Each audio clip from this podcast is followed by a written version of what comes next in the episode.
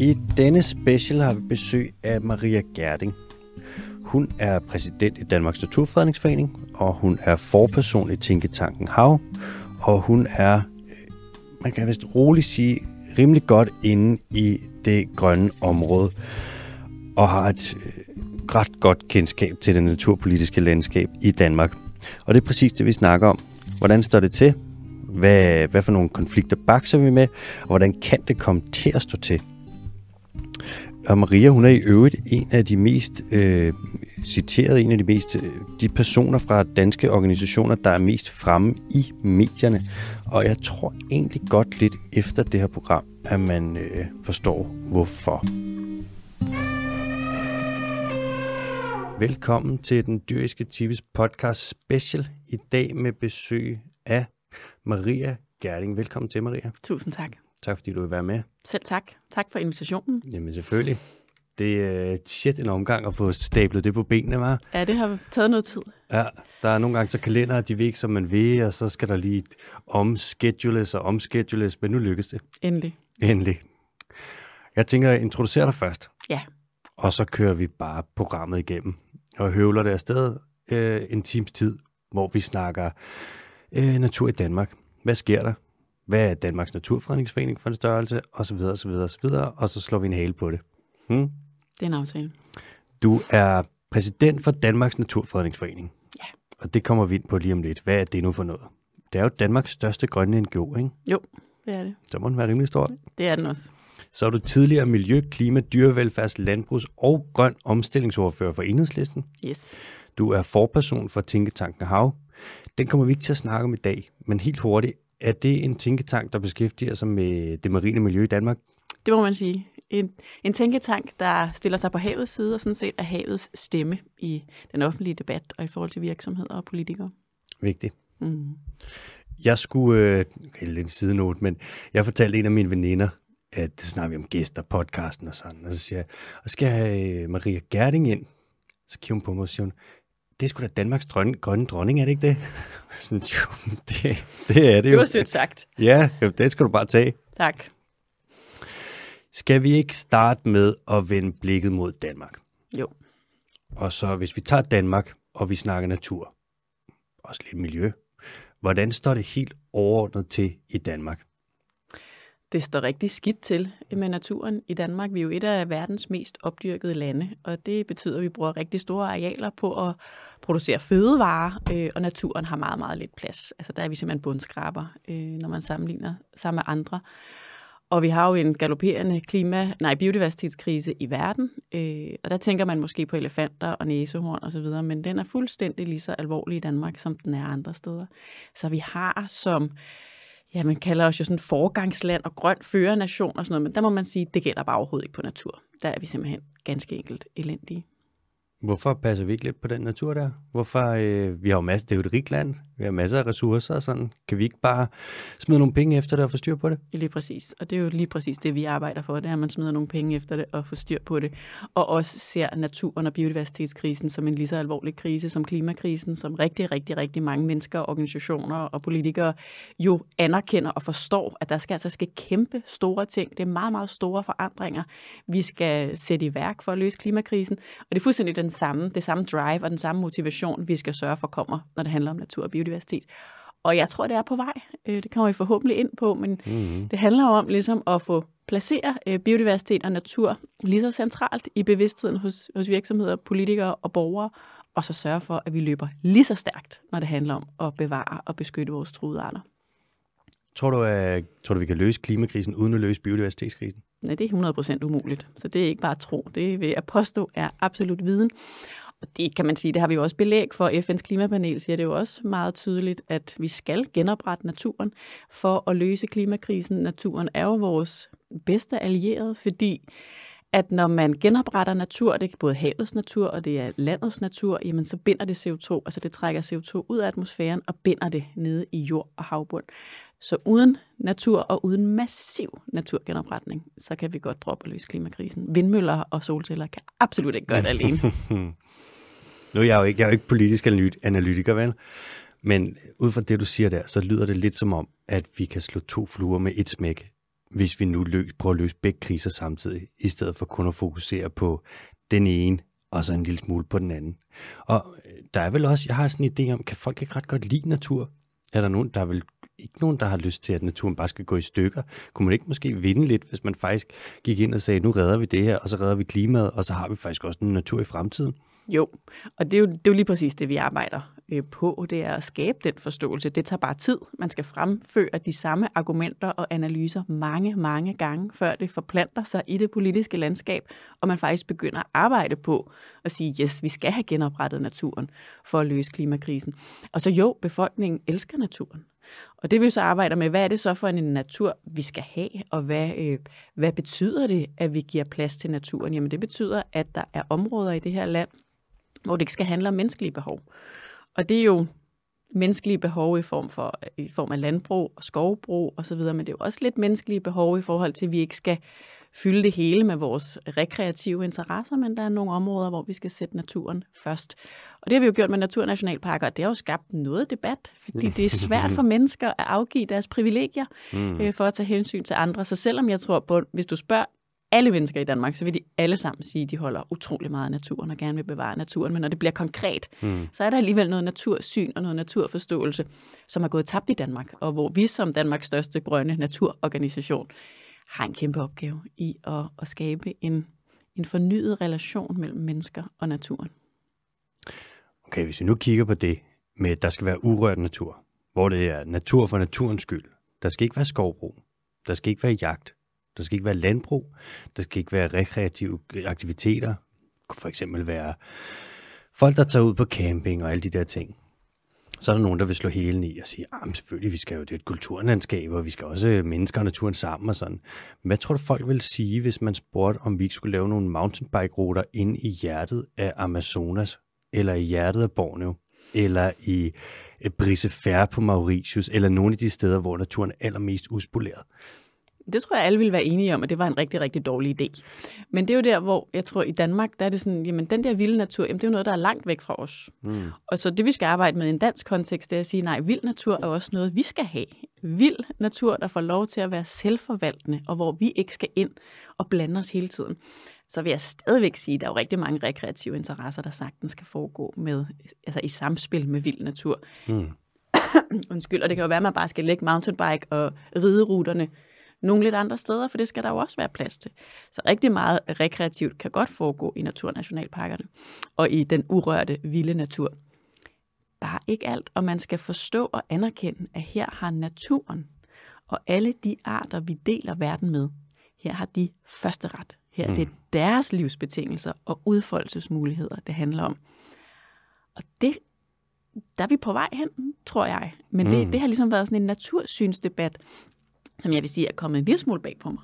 Mm-hmm. Øh, og det var måske naivt, at jeg tænkte, at det, det synes folk, der var er mega fedt, at vi får vild natur.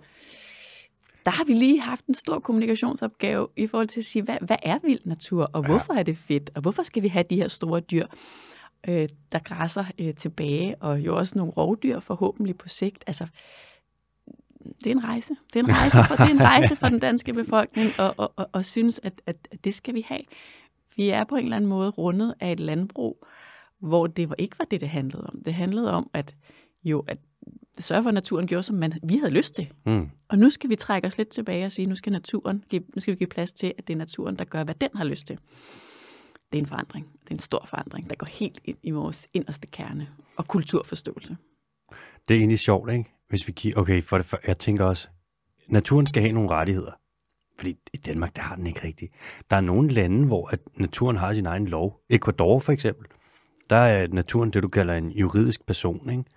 Så der er nogle lov, hvis du øh, laver naturskade, så kan du blive sagsøgt, som hvis du har skadet en person. Eller en, altså en juridisk person kan jo så også være en forening og sådan. Ikke? Men der har naturen simpelthen sin egen lov. Og man kan også sige, hvis vi skal give øh, tøjlerne tilbage til naturen, så vil der være nogen, der er sådan, det kan vi jo ikke. Naturen kan ikke bare skulle passe sig selv der vil jeg alligevel være lidt kontroversiel som biolog og sige, jeg tror måske godt, naturen kan selv. Jeg tror også, den har øvet sig i nogle år. Jeg tror faktisk måske, den er, så, den er bedre til det, end vi er, til at passe på sig selv. Altså naturen er utrolig god til at være natur. Det må Ja. vi bare konstatere. Det kan den. Det kan den, og det er jo der, hvor jeg nogle gange bliver overrasket, også når man kommer ud hos jo naturkloge mennesker, øh, som er lidt i tvivl om, hvorvidt det er de store græsne dyr, der er bedst for biodiversiteten, eller det er, at de kommer ud med, Græsslåmaskiner. med græsslåmaskiner osv. Det må vi jo se hen ad vejen, og hvor det er sådan, hvis man kigger tilbage, så evolutionært, der er arterne jo tilpasset hinanden og er afhængige af, at vi får de græsne dyr tilbage, ikke at vi får en græsslåmaskine. Så det er det der med lige at få løftet blikket Ja. og kigget længere tilbage i historien end blot de seneste årtier.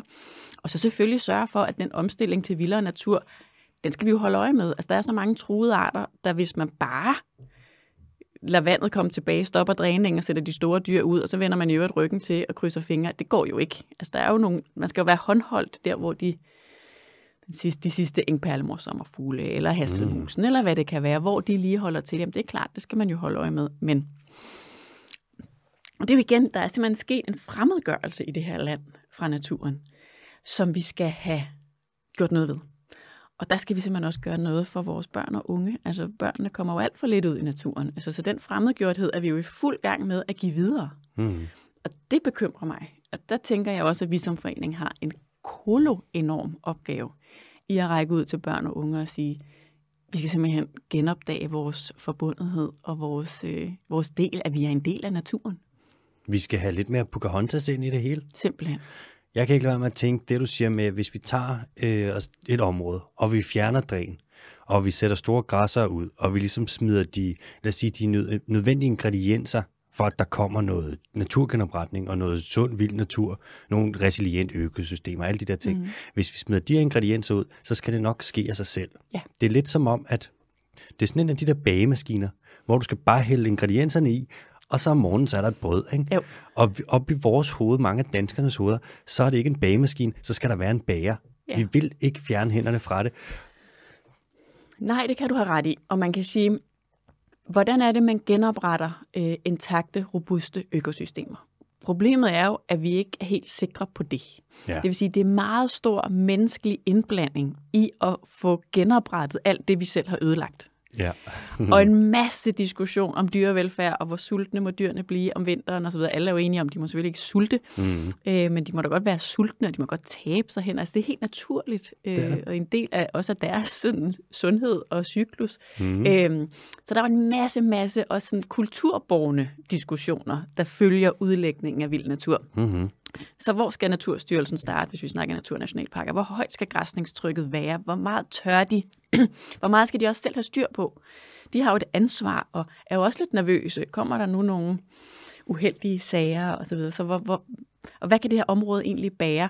Vi har jo selv et område på Langeland, et, et, et gods, der hedder Skovskov Gods, som vi har genforvildet, mm. øh, og hvor dyrene øh, græsser hele året og ikke bliver fodret og så videre. Dyrene har det jo fantastisk, men det vi bare kunne se, det var, at vi troede, der kunne være markant flere dyr. Mm. Så fordi de er der om vinteren og går rundt og træder rundt i mudder og så videre, jamen så er der bare mindre.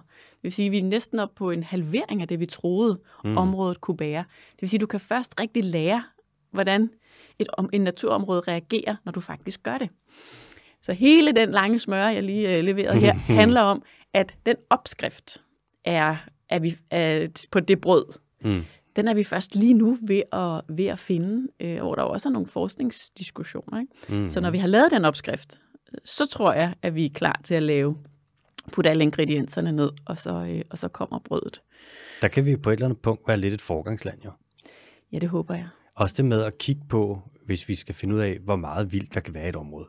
Så kan vi jo så undersøge, om man, det er sådan en rigtig biologi-ting.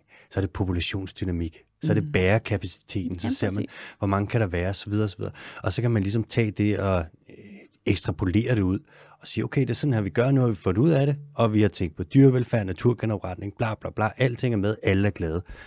Det er også lidt spændende. Det er da vanvittigt spændende. Og man kan sige, at det vi vinder på det, det er måske vild natur, Ja. og det vil vi jo gerne have. Ja, præcis.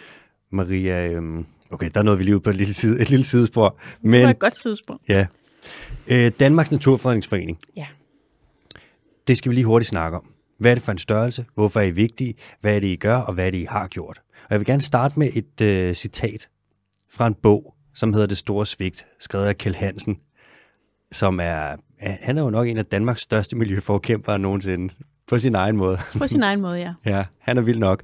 Han skriver, Ganske prisværdigt har denne private forening, det er så Danmarks Naturfredningsforening, forsøgt at løse opgaver, der i andre kulturnationer varetages helt selvfølgeligt af staten.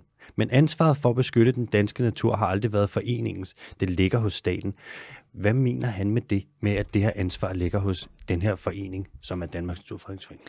Jamen det er, fordi vi er jo den eneste forening, der kan rejse fredningssager, altså foreslå, at natur skal fredes. Altså staten kan, kommunerne kan, mm. det gør de meget, meget sjældent. Det vil sige, dem, der foreslår, at vi skal sikre en reel og varig beskyttelse af naturen, det er Danmarks Naturfredningsforening. Det var en, en, det var en mulighed, vi fik af Stavning tilbage for mange år siden. Mm. Torvald Stavning, som var jo socialdemokratisk øh, statsminister i 30'erne. Øh, og han mente, at der skulle være en Danmarks Naturfredningsforening, som fik denne her mulighed.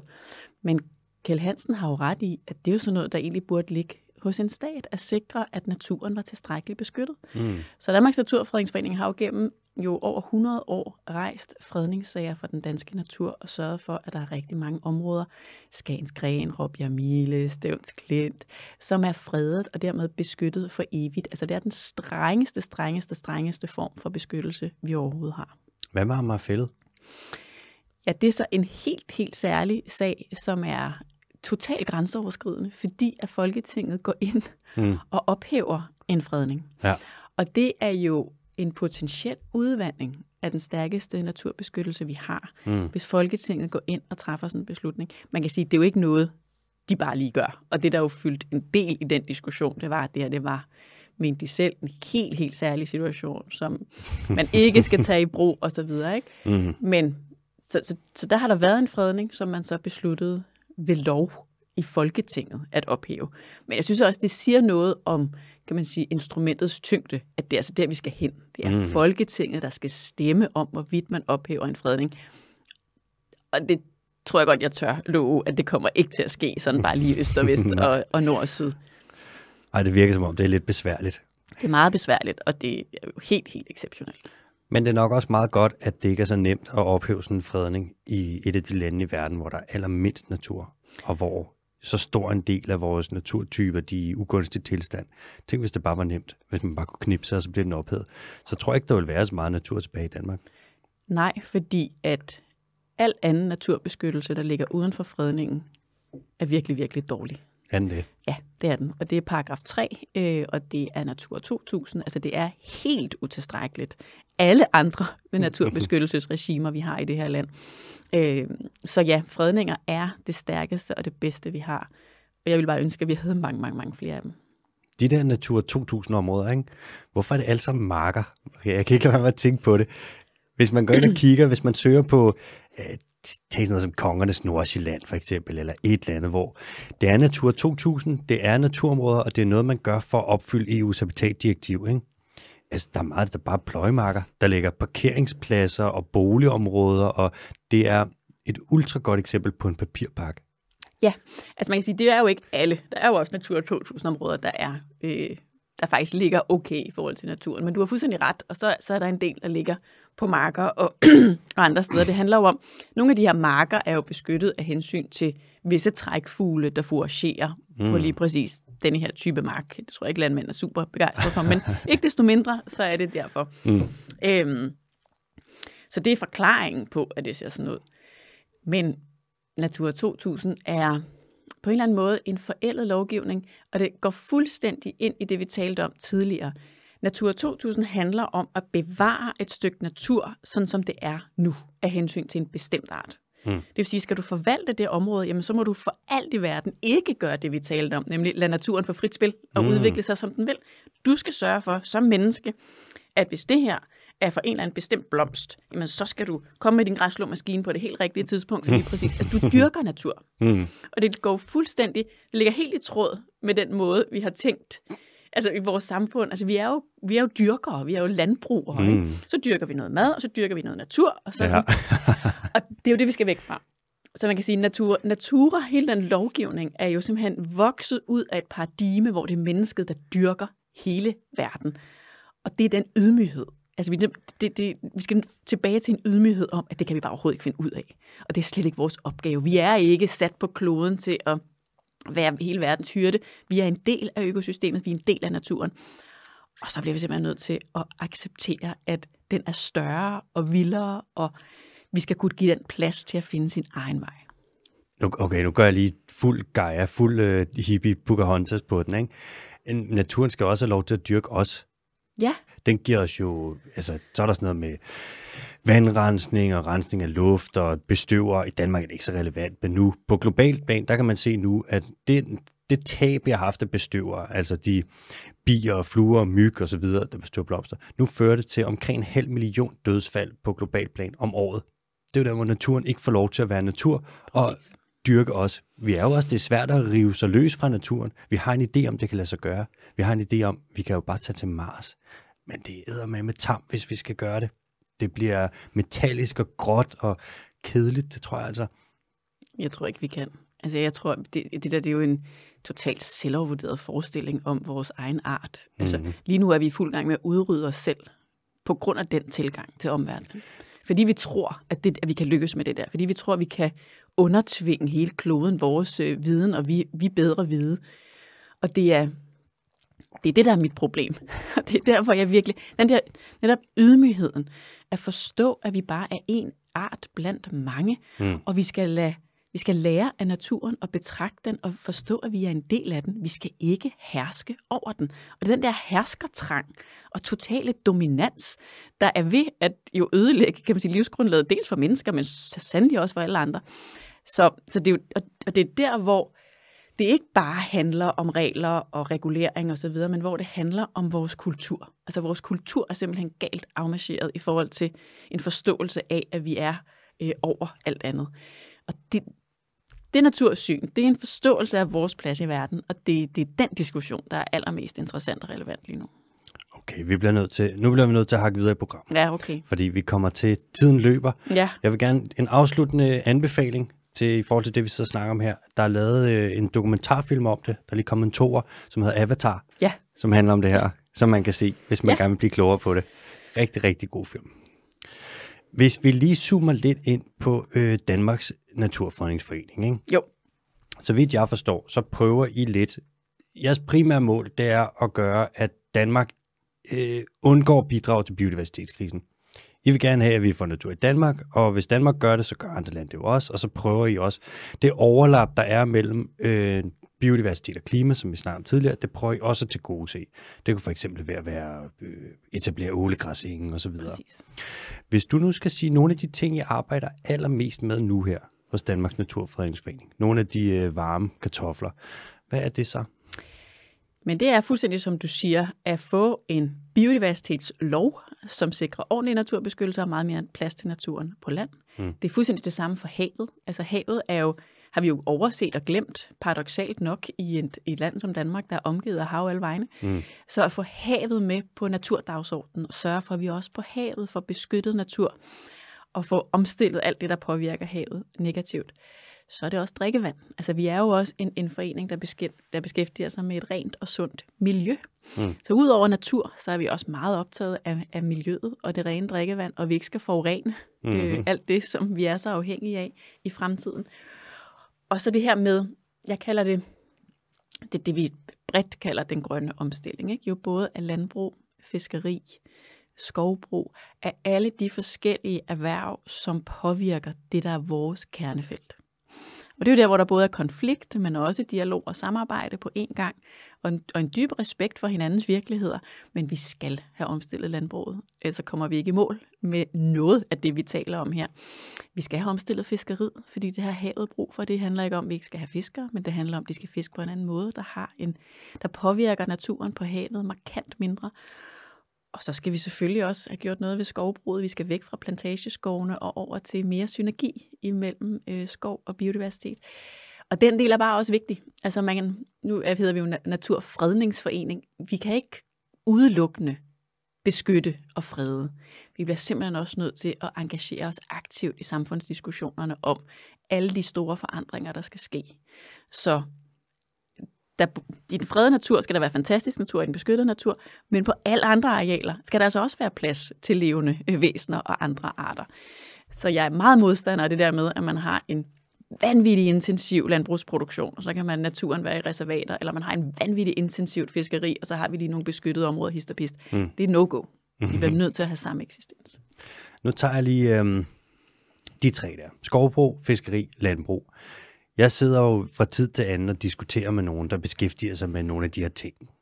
Og hvis jeg nu lige tager og tænker, kommer med et modargument for hver af dem, ikke, så vil jeg lige høre, hvad du har at sige til dem. Hvis vi tager skovbrug først, så plejer det at være, altså i Danmark, vi har jo været 13-14 procent af arealet, det er skov, ikke? Og så reelt set, der er det måske en halv procent, der er skov, resten det er plantage. Og der siger de, jamen hvis ikke at vi laver tømmer her, så kommer de til at lave det andre steder. Og vi skal jo bruge tømmer til bæredygtig byggeri, og vi prøver jo at lave biodiversitetsarealer inde i vores skove. Så har vi jo et mål om 10% biodiversitetsskov inde i vores skove, og vi tager jo hver 10.000 træ og lader det stå i mere end 30 år, så der kan komme en flagermus og sådan. Hvad vil, hvad vil du sige til det? Når vi kigger på, hvordan biodiversiteten har det i vores skove, så har den det 100% dårligt alle steder. Det vil sige, på trods af gode øh, intentioner, som jeg er fuldstændig overbevist om, at man har, mm. så virker det ikke. Mm. Og det bliver vi simpelthen nødt til at tage alvorligt, hvis vi anerkender, at der er en biodiversitetskrise. Og det hører jeg trods alt, de anerkender. Det vil sige, at der skal ske forandringer. Og der skal ske mange forskellige forandringer. Dels så skal vi udlægge skov til urørt skov. Igen, hvor biodiversitet og naturen har første prioritet. Mm. Og det er altså en anden tilgang, end at sige, at vi lader hver et eller andet træ stå til en flagermus. Det her det handler om entydigt at forvalte nogle skove til gavn for andre arter end os selv. Mm-hmm. Og det, det er der, hvor der virkelig kommer friktion. Men, men det er det, der er opgaven. Og så skal der tænkes endnu mere samme eksistens ind i de skove, som vi skal bruge til, til tømmer. Fordi det har de jo ret i. De har jo 100% ret i, at vi selvfølgelig skal producere noget træ. Vi skal bygge flere huse af træ, vi skal have flere møbler af træ. Altså alt det der stål og beton osv., det er jo...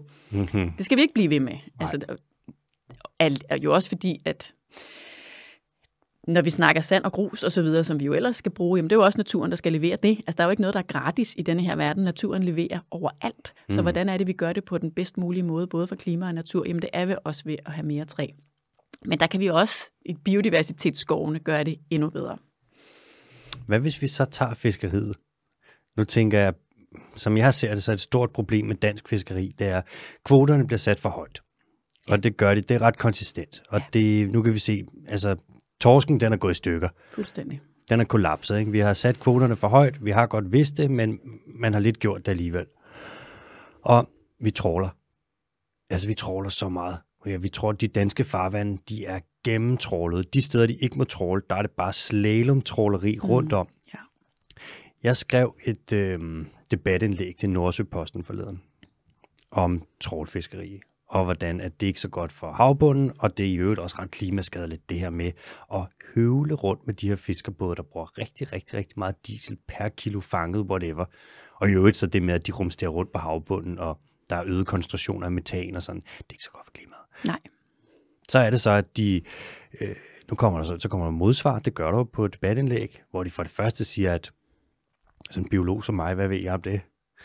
Og så siger de, at det er slet ikke dårligt for havbunden, og der kommer faktisk flere fisk der, hvor man tråler, og det kan de se på et eller andet. Hvad, hvad siger du til det? Er det godt, når man tråler, og skal vi bare blive ved og gå amok, og er det godt for klimaet og alting?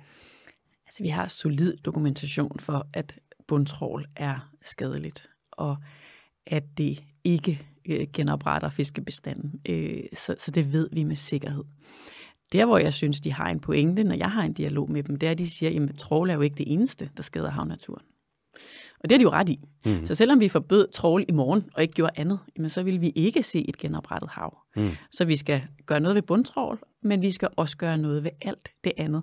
Og der tror jeg, når man har den her diskussion med dem, altså mange af dem her har jo brugt hele deres liv på at fiske på den måde de synes ikke, det er sjovt lige pludselig at blive angrebet med at sige, du ødelægger alt i havet. Fordi så siger de, jamen, jeg kan jo blive ved med at fange noget. Mm-hmm. Altså, og alle dem, der fanger jomfruhummer med bundtrål, jamen det, kan, det bliver de jo ved med år efter år. Det er jo rigtigt, men det er jo fordi, det er et økosystem, der er fuldstændig smadret. Mm. Så rovfisken, torsken, den er væk. Den er simpelthen forsvundet. Så, jamen så, ja. så har man de der jomfruhummer, der bliver ved med at komme. Men er, det, men er det det, vi vil have?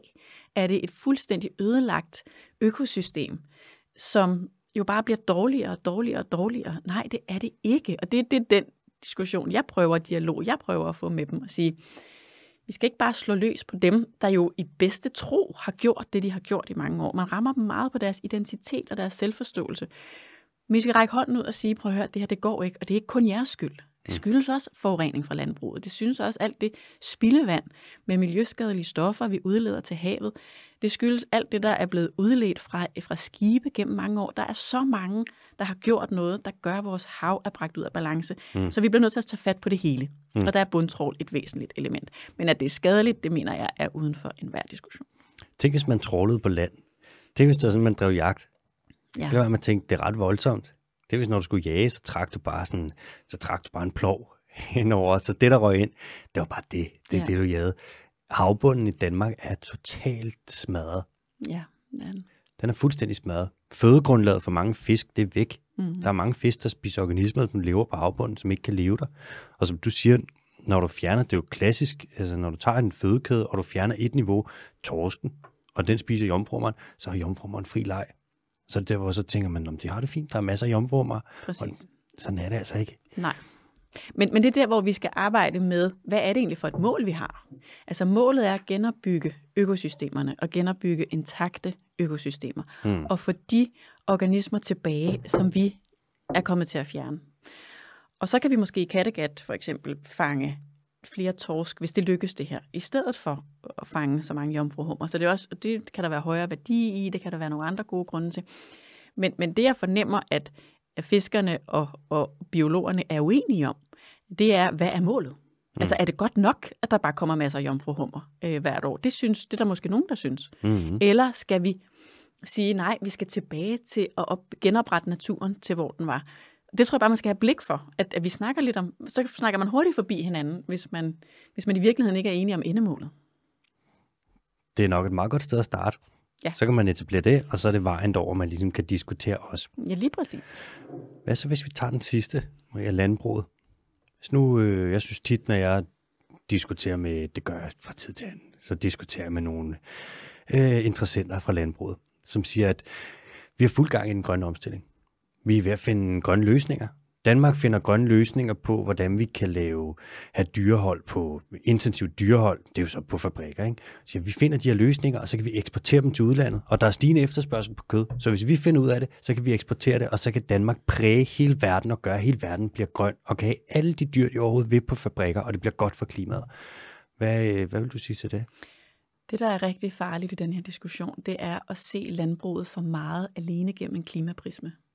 Og det bekymrer mig, fordi det er det, jeg synes, jeg ser, når man går den der vej og siger, at det skal bare være endnu mere intensivt, og endnu flere fabrikker, og det, vi dyrker på markerne, skal igen være mere intensivt. Og vi skal bruge nitrifikationshæmmer, altså som jo er kemikalier, man spreder på vores jord. Altså, den vej landbruget risikerer at gå ind i, fordi man fokuserer så meget på klima, som er så voldsom og så intensiv, det bekymrer mig meget. Fordi man glemmer naturen, og biodiversiteten og tilbagegangen for bestøverne i det åbne land, som er uforeneligt med en øget intensivering. Man glemmer drikkevandet, hvor der over, halv, der, i over halvdelen af de aktive drikkevandsboringer er der nu pesticider.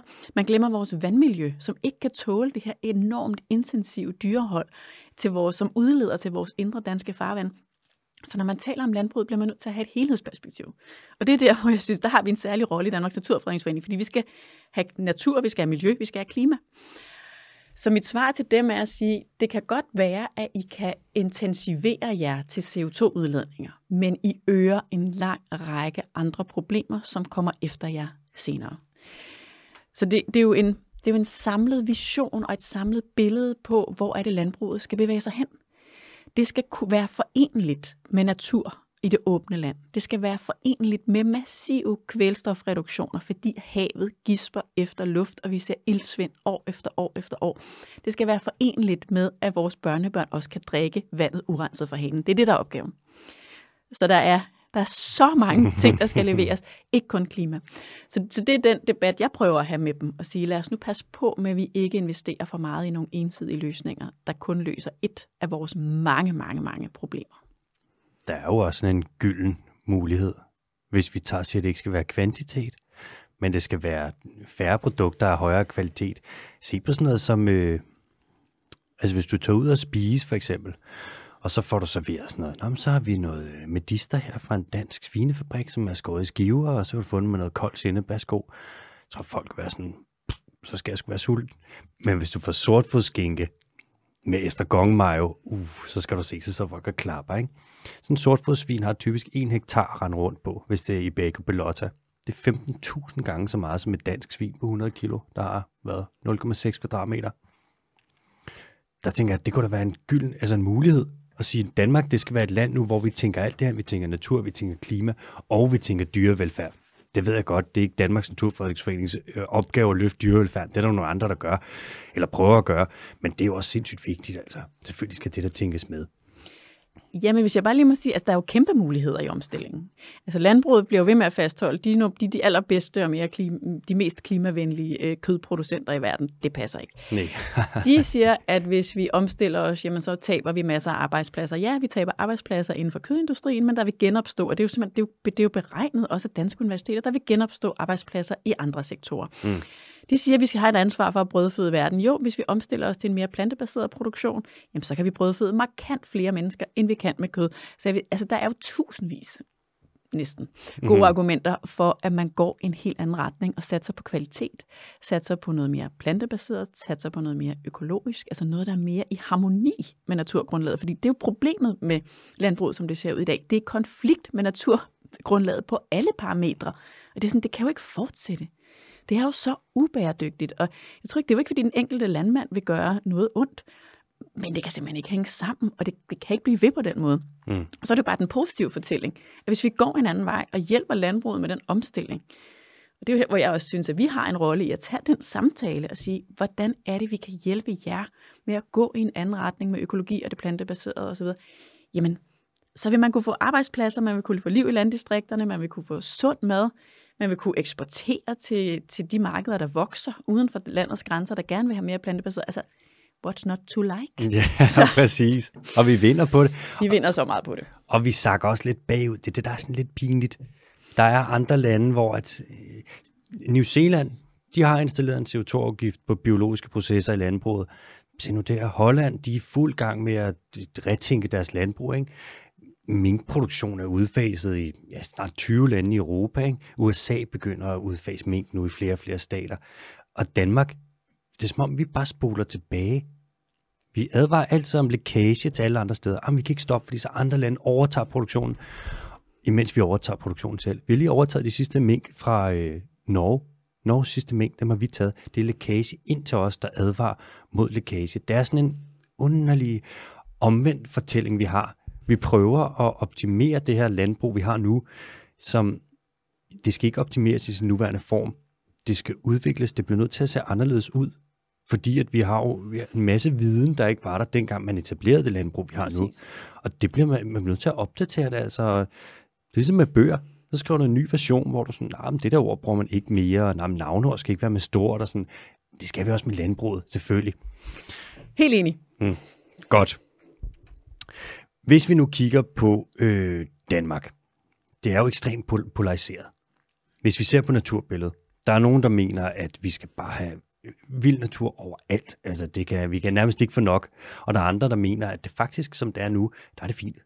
Vi har natur nok i Danmark. Hvordan er det blevet så polariseret? Hvordan er, det, hvordan er der kommet de her to fløje, der er så rygende uenige? Ja, det er et godt spørgsmål.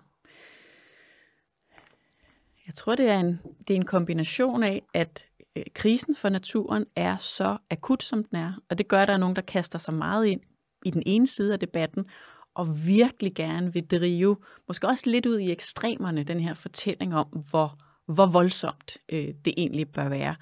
Og så er der den, den anden pol, som er meget, meget fremmedgjort, for hvem det nærmest er et overgreb at have vilde heste. Øh, mm-hmm. Altså, fordi at man har en, man på en eller anden måde projekterer vi man sine egne følelser over i dyret, og man synes jo ikke, det vil være rart at stå uden for hele vinteren. Men så, så der er også den der enorm fremmedgjorthed for, hvad er naturen egentlig?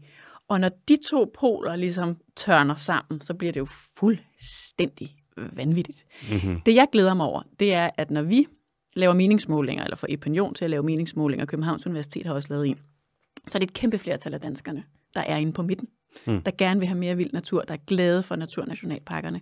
Øhm, så jeg synes jo, der er håb, og man skal passe på ikke at navigere for meget efter en polariseret debat på Facebook. Fordi ofte er det altså kun et meget, meget lille segment, der står og er i krig med hinanden. Mm. den brede virkelighed udenfor er ikke en del af det der, og er egentlig ikke så polariseret. Hvordan, øh, hvordan bygger vi bro mellem de her to poler? Hvordan får vi, øh, hvordan får vi dem ligesom til ikke at være uvenner? Hvordan får vi dem ind på, selvfølgelig skal de ikke begge to helt ind på midten, man må stå, hvor man står, men hvordan får vi ligesom undgået, at der er den her øh, kamp, som der er nu? Jeg tror, at tiden arbejder for os. Hmm. Jeg tror, at de store skeptikere, når de først ser, hvad vildere natur faktisk er og kan, hmm så tror jeg, at der er flere af dem, der vil lægge våbnene væk. Det håber jeg i hvert fald. Når vi forhåbentlig får en naturlov, en natur- og biodiversitetslov, der leverer på det, EU siger, vi mm. skal mm. være med til at levere på, altså 30% beskyttet natur, jamen så tror jeg også, at vi er, har sat gang i en rejse, der gør, at dem, der mærker naturens krise så stærkt, så de, de virkelig bliver voldsomme i debatten, at de måske også føler sig set, og, og at de kan se, at tingene bevæger sig i den rigtige retning. Mm. Så jeg tror, at tålmodighed, øh, konstant at være på bolden for at sikre, at der kommer fremdrift her, det tror jeg er den bedste måde, at vi forhåbentlig kan skabe en større midte mm. og en mindre polarisering. Er der, hvis nu vi snakkede om sådan noget som øh, jorden, hvordan jorden den er udformet, og vi så sidder i et eller andet debatforum, og der er en, der siger sådan, jamen hvorfor diskuterer vi det her? Alle ved jo, at jorden den er flad. Ja. Så vil vi nok sige, ej, come on, det, der er vi ikke mere. Det ved vi godt, at den ikke er. Så er man ligesom frasorteret fra debatten på den måde, fordi det er for useriøst, det man byder ind med. Eller det er for modbevist. Er der også et punkt i naturdebatten i Danmark, hvor vi skal gøre det? Hvis for eksempel der er nogen, der kommer og siger, en kornmark, det er smuk natur. Skal vi så sige, ej, hvor du er nu, det der, det er simpelthen for useriøst. Nu står vi er et helt andet sted nu. Skal der være et sted, selvfølgelig skal vi have alle med, men skal der være nogen, som hvor deres mening simpelthen bliver for hmm, distanceret fra det faglige til, at øh, de skal høres? Der synes jeg jo på en måde allerede, vi er lidt... Mm. Øh, der er jo nogle af de der meget øh, voldsomme modstandere af for eksempel vildere natur, hvor det, de siger, er jo 100% forkert. Ja. og vi kan, jo ikke, de, vi kan jo ikke nå dem, og vi kan jo ikke rigtig... Altså, vi, jeg, jeg tror ikke, at vi kan få dem overbevist øh, på den korte bane det, der glæder mig, det er, de har meget få, der ligesom kaster sig ind i kampen sammen med dem. Mm. Altså, der, der, er virkelig, der er virkelig, virkelig mange, som bevæger sig væk fra det der, som ikke bryder sig om at være en del af en, af en fortælling, altså som, som, som ville påstå, at jorden var flad. Mm. Men det, der er jo nogen, der bliver ved med at sige, at jorden er flad. Altså, så, så på den måde, altså jeg tror bare også, det skal ikke være målet, at alle er enige og sidder i en rundkreds og holder hinanden i hånden og siger, der fandt vi hinanden, nu der var er jorden, vi der. Ja. Så, så det, jeg bare synes, vi skal navigere efter og glæde os over, det er, jamen, der er et kæmpe flertal i Danmark, der gerne vil det her. Der mm. gerne vil have vildere natur. Og så kan jeg bare anbefale folk at gå ud af de der Facebook-grupper og ikke deltage i det der øh, voldsomme øh, krig, der nogle gange er. Øh, og måske prøve at, at, at løfte de gode fortællinger, i stedet for om, hvor fantastisk det her bliver. Men det kommer an på, hvem man taler til. Man får aldrig flyttet dem, der har stillet sig ind i hjørnet. Det tror jeg simpelthen ikke på.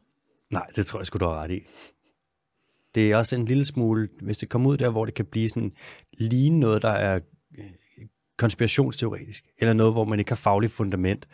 Det er meget svært at overbevise folk, der, hvor de bare har, data betyder ikke noget mere.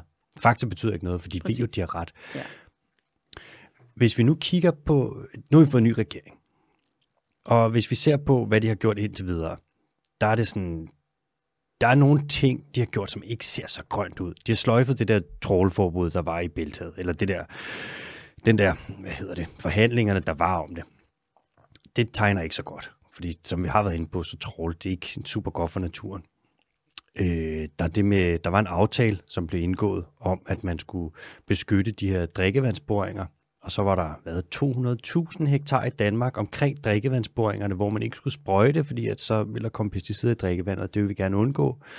Så er der nogle andre ting, sådan mink har fået lov til at komme tilbage. Øh, CO2-afgiften på landbruget, den er lidt sat på pause nu. Det ligner, at de har taget sådan en krukke, hvor der bliver syltet. Jeg ved ikke, om det er mm, cornichoner mm. eller kimchi, eller hvad de laver, men der er i hvert fald, den er blevet trykket godt ned i den krukke der.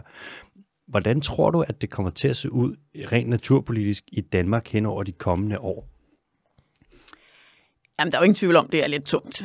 Øh, og der er jo ingen tvivl om, at skal vi virkelig rykke noget, så bliver vi nødt til, og det er i hvert fald også min læsning, jeg bliver simpelthen nødt til at lave nogle flere alliancer med både fiskerne og landbruget om, hvordan kan vi forandre det her? Hvordan kan vi tage jer med på den her rejse? Fordi de sidder, altså erhvervsinteresserne, som jo handler lidt om at bevare status quo, mm. de sidder lidt tungt øh, på, på denne her regering. Ja. Og det er, jo, det er jo den magtanalyse, man bliver nødt til at lave, hvis man som os er en stor organisation, der gerne vil have forandringer, jamen hvordan er det så, vi får indflydelsen? Mm. Og det er der, hvor jeg bare tror, at altså, dialog og samarbejde, det kommer vi ikke udenom, uanset hvem der sidder og, og bestemmer noget. Vi lavede jo en aftale med Landbrug og Fødevare om, at vi skulle tage 100.000 hektar lavbundsjord ud af produktion. Jamen nu er man i proces med 21.000 hektar. Det er immer væk også en chat, øh, så man er ligesom i gang med noget, men der hvor der lå en alliance, og der hvor vi faktisk lykkedes os at mødes om noget. Mm. Så hvordan kommer det til at se ud naturpolitisk? Jamen, jeg tror som en nok, at vi skal få en bedre drikkevandsbeskyttelse. Altså, øh, det her det er noget, befolkningen går ekstremt meget op i, og uanset hvad, så er der grænser for, hvor meget man kan sætte sig ind i sin egen regeringosteklokke og undgå at, at lytte til omverdenen. Så det har jeg det kommer til at gå langsommere, end vi havde håbet, men jeg tror så man nok, der skal ske noget. Jeg tror også, vi får en natur- og biodiversitetslov. Det står også i regeringsgrundlaget. Det, der bliver den svære opgave for os, det er at sørge for, at den lægger et spor ud, og ambitionsniveauet gradvist kan skrues op. Mm. For det kommer, der kommer ikke til at stå i den, at vi skal have 30% beskyttet natur på land nu. Mm. Men det er klart, der skal vi jo hen. Og det samme med klimaloven, der sagde 70 procent i 2030. Jamen nu diskuterer man, skal vi ikke skrue op for det? Og i virkeligheden skrue op for klimamålene. Det er jo fuldstændig det samme dynamik, vi skal have på naturområdet. Så CO2-afgiften på landbruget, den er svær. Øh, men må ikke, der kommer øh, noget. Igen kan vi øge ambitionsniveauet, og, og, og så kan vi supplere den med noget mere. Noget mere omstilling, der, der driver omstillingen, og ikke kun med klimaprismen, som jeg jo også har været lidt kritisk overfor, at man kigger for ensidigt på det. Trålforbuddet, øh, der som jeg hører øh, fiskeriministeren, den mener han ikke er sløjfet. Han mener, at det, vil de, det kigger de på, når Fiskerikommissionen, det er så en Oh, kommissioner, Maria. Det er ja, sådan ja, ja, ja. en... Ja. Nå, men det er jo bare for at sige, hvor er det, vi har? Det ja. bliver jeg jo nødt til. Jeg bliver nødt til hele tiden at spille efter landskabet. Jeg, ja. kan, jeg, jeg skal hver eneste dag, jeg står op, skal jeg spekulere på, hvordan får jeg skabt nogle forandringer for vores natur. Så hvordan er det, vi kan bruge og være med til at tage Fiskerikommissionens anbefalinger til at få områder med bundtrål? Og det er jo ikke for at argumentere for, at tingene skal gå langsomt. Det er simpelthen for at sige, at vi lever i et demokrati. Befolkningen har nu sammensat en regering, der, og hvor er det så, hvor er sprækkerne, hvor vi kan komme ind og være med til at skabe noget forandring. Jeg synes, det er frustrerende. Ekstremt frustrerende, at det går så langsomt. Men jeg bliver også nødt til at finde noget energi i at sige, der er trods alt nogle ting, der sker. Vi har en befolkning, der er bevidst om havets natur, om landets natur, om drikkevandet i en grad, vi ikke har set tidligere. Det skal vi kunne bygge på til at mobilisere folk til at lægge det pres, der gør, at der bliver lyttet lige så meget til os, men forhåbentlig med en masse mennesker i ryggen, som det bliver lyttet til nogle af de organisationer, der ikke synes, forandring er det mest spændende i verden. Hvordan, øh, hvordan finder du den der balance? For nu er der jo, vi har, vi har virkelig travlt. Klima, der skal vi, altså det skal være før 2025, og der sker mm. noget drastisk, ellers så er vi sådan, så er vi fucked, ikke? Hvis vi kigger på biodiversiteten, vi har også rigtig travlt. Mm. Vi har, hvis vi kigger på næringsudledning, vi har også rigtig travlt. Der er mange af de her kriser, der kommer, og de galopperer afsted, og det er eksponentielt, og vi har bare travlt, travlt, travlt. Og samtidig så må man ikke presse på de her dagsordner på en måde, så folk ligesom cutter linen, skærer en væk, så man mister legitimitet, så en stemme den ikke bliver hørt. Hvordan finder du balancen imellem at presse så meget på og undgå at slippe kanterne af det, som bliver sagt samtidig? Altså det er jo, det er jo en svær balance, er det ikke det? Jo. Jeg tænker det selv sådan, at hele tiden have blik for, hvad det er, der skal til. Altså, mm. Og det er jo kæmpe forandringer.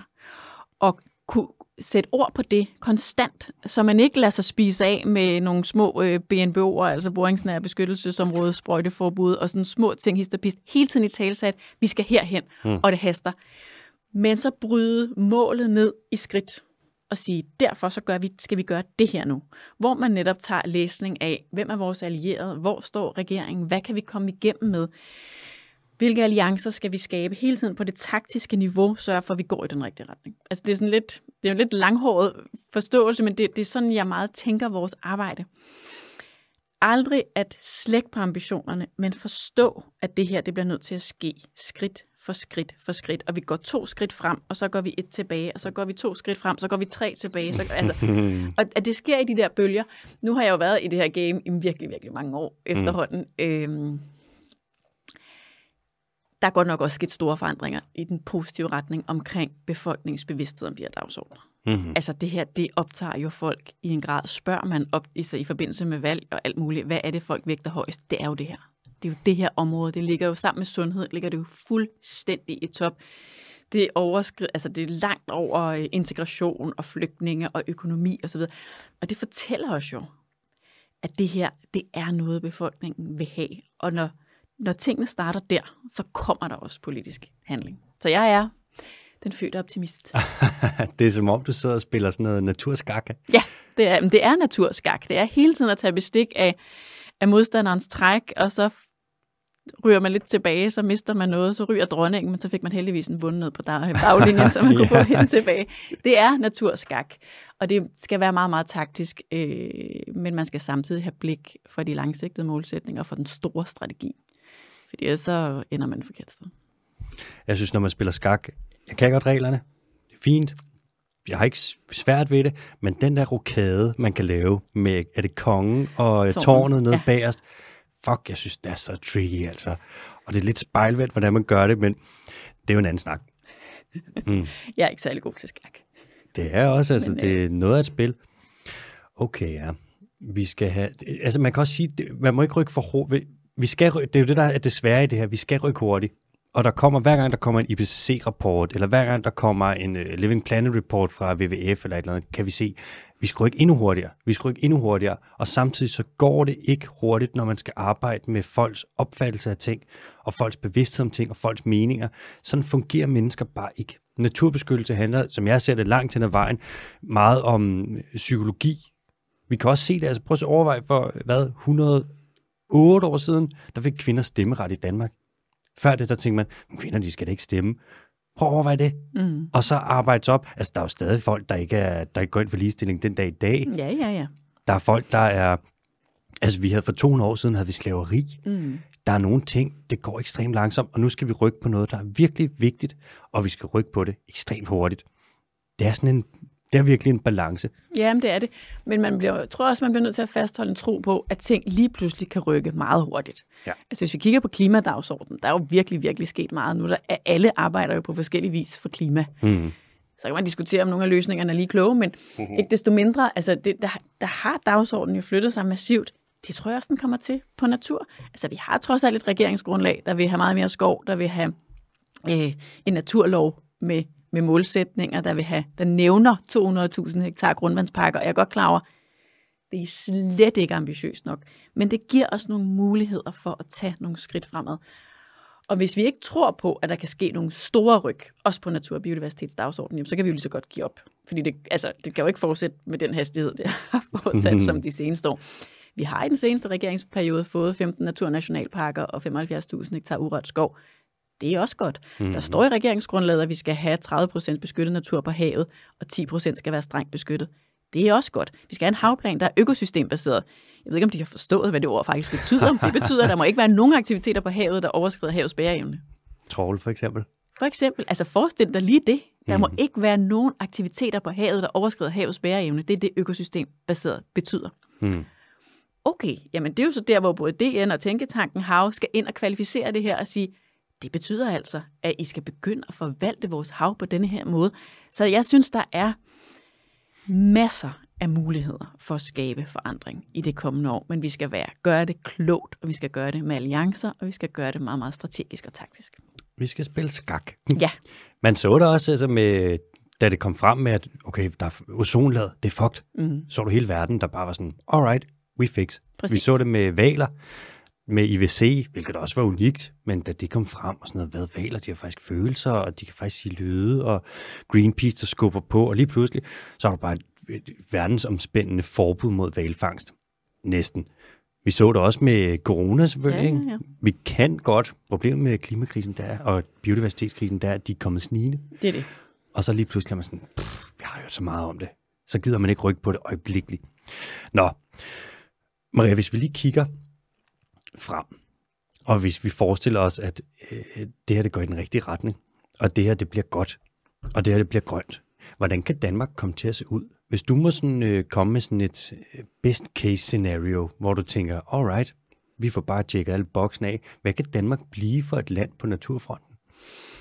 Jamen Danmark kan blive et fuldstændig magisk sted. Forestil dig, at man kører ud af byen og ud på landet, og i stedet for at møde de her kæmpe, kæmpe store marker, der vil man møde en hel masse natur, og det vil ikke være enten skov eller åbent land, det vil være sådan en mosaik af et landskab, hvor noget af det er åbent, men med træer og buske.